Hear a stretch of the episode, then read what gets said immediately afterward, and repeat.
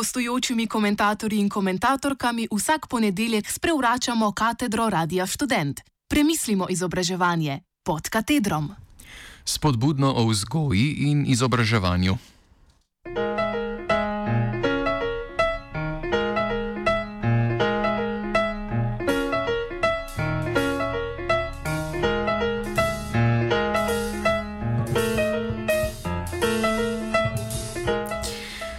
Prostorih Slovenske akademije znanosti in umetnosti, krajše SAZU, je 18. in 19. septembra v organizaciji Pedagoškega inštituta Slovenskega društva raziskovalcev na področju edukacije, krajše SLODRE in Centra Republike Slovenije za mobilnost in evropske programe izobraževanja in usposabljanja, krajše CMEPIUS, potekala četrta znanstvena konferenca o vzgoji in izobraževanju, letos podnaslovljena Mednarodni vidiki vzgoje in izobraževanja.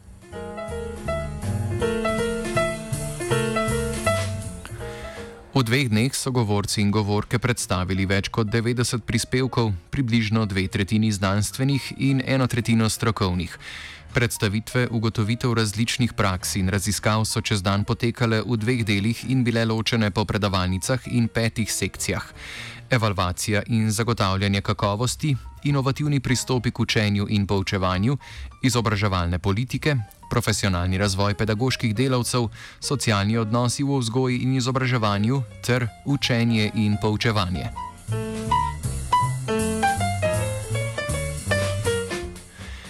Prvi dan se je po premoru odvila tudi panelna razprava z naslovom Spodbudno učno okolje za motivirano učenje in kakovostno znanje, na kateri so sodelavke in sodelavci Pedagoškega inštituta skozi teorijo in z izsledki mednarodnih raziskav v petih prispevkih predstavili vplive na oblikovanje pozitivnega ali negativnega odnosa do znanja oziroma vednosti ter motivacije za šolsko delo.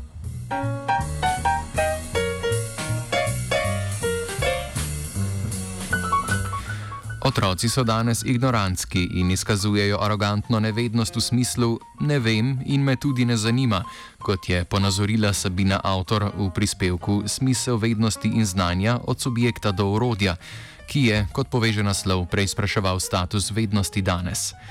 Barbara Japel Pavešič je izgubljanje interesa za šolske predmete in znanje, ki ga nosijo, predstavila z rezultati mednarodne raziskave TIMS. Trends in International Mathematics and Science Study.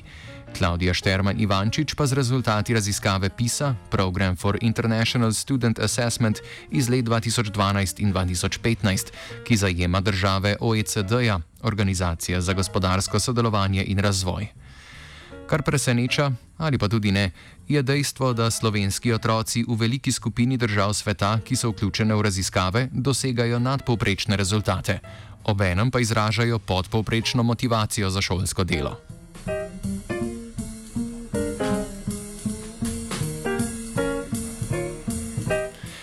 Avtor in Igor Bjuklič, ki je nadaljeval s prispevkom Odkdaj govorimo o motivaciji v izobraževanju in kaj to pomeni, sta izhajajoč iz del francoskega sociologa, filozofa in zgodovinarja Marcela Gušeja učinkovito nanizala dejavnike zaskrbljujočega vpliva na vzgojno-izobraževalni prostor in upadanje motivacije za šolsko delo, ki jih bomo povzeli in poglobili v prihajajočih izobraževalnih minutah.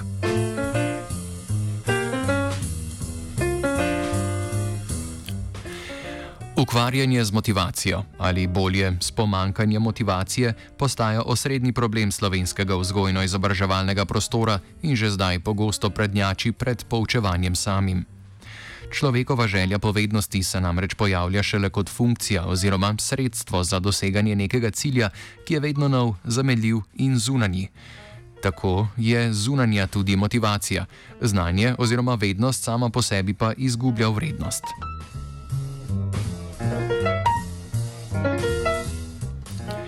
Učiteljice in učitelji se ukvarjajo z metodami in ne več z iskanjem razlogov za učenje in posedovanje znanja. Vsebina pouka je posledično zvedena na suhoparne in faktografsko prenasičene stavke učbenikov, ki jih pedagoginje in pedagogi za zaščito o potencialnem napadu staršev vse prepogosto uporabljajo.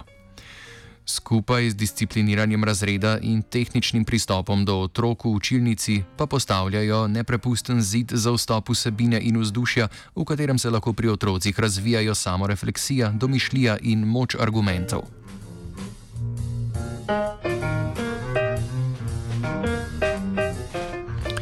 Kompetence, spretnosti in storilnostno naravnanost podpira tudi šolska institucija. Z njo pa učiteljice in učitelji, ki so, kot so pokazali rezultati prej omenjenih raziskav, še vedno najpomembnejši faktor pri motiviranju otrok za šolsko delo.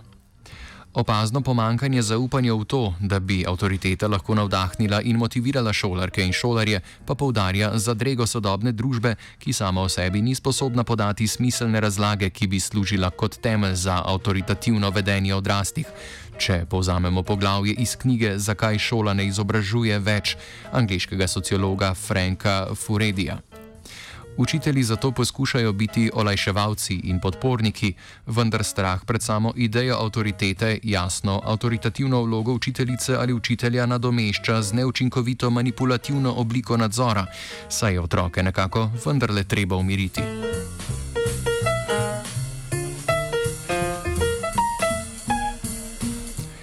Naraščajoči kapitalistični smotri izobraževanja so minljivi in neskončni, zato nikoli ne dajo končnega ali stabilnega odgovora na vprašanje, čemu se izobražujemo.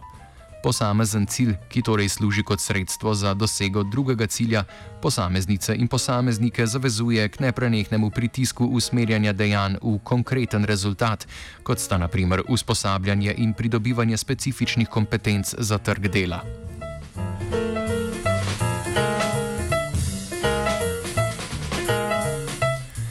Biuklič poudarja, da je za sodobno družbo izobrazba nezadostna, saj na svet gledamo skozi omenjene sredstvene cilje, zato je vse, kar je dobro samo po sebi, torej tudi izobrazba, vrednoteno najniže.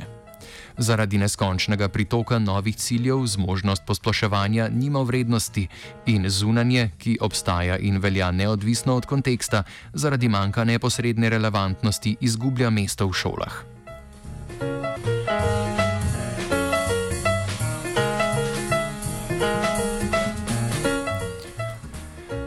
Nadalje je premik od javnega značaja šolanja, ki je vse do druge polovice 20. stoletja stremel k dobri izobrazbi državljank in državljanov, s tem pa k dobri skupnosti, zašel v sfero skrbi za individualni zaposlitveni kapital. Znanje je posledično postalo orodje, človek pa njegov nosilec. Posameznica ali posameznik znanja ne poseduje več, temveč z njim rokuje in ga prilagaja gospodarskim potrebam, kar je avtor povzela v navezavi na Gušeja in njegov koncept pozunanjenega znanja.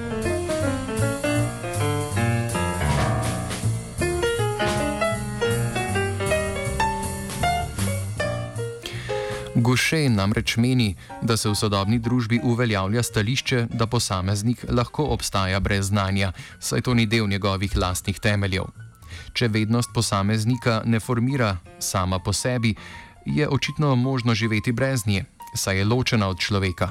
Potrebujemo le veščine, s katerimi pridemo do znanja, ki nam pomaga doseči nek cilj. To znanje mora torej, za občutek smiselnosti, biti neposredno povezano z nekim zunanjim ciljem, naprimer oceno, ki je potrebna za upis v srednjo šolo ali na fakulteto. Ocena je motivacija.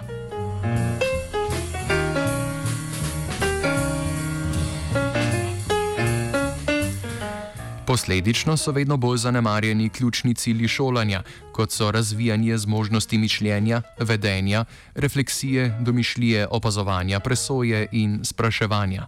Vzgoja in izobraževanje bi morala učenkam in učencem pomagati dvigniti se nad njihovo partikularno izkustvo in pridobiti uvide v širši svet, kot ugotavlja Furedi.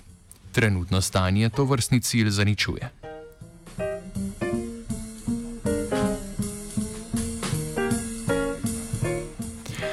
Če zaokrožimo prispevek, sestavne elemente učne motivacije, ki vplivajo na otrokovo percepcijo izobraževanja in se med seboj prepletajo, podkrepljujejo ali spodbijajo, je med teoretičnim in raziskovalnim delom predstavila Alenka Grill s prispevkom Koncepti učne motivacije skozi šolsko prakso in, kot druge avtorice in avtor, ponovno pokazala na vlogo učiteljice ali učitelja.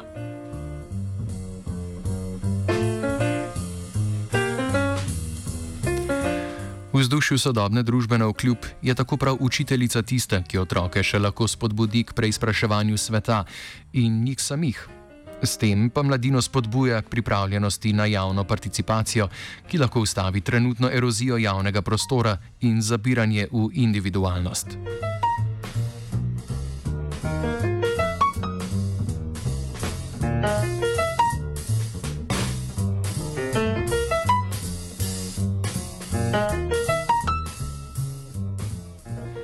Za razmišljanje o vzgoji in izobraževanju je motivirana Hanna.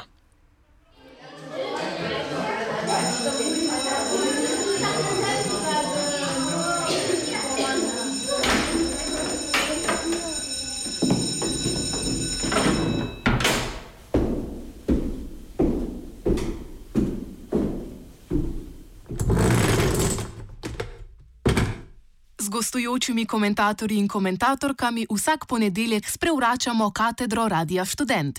Premislimo izobraževanje pod katedrom.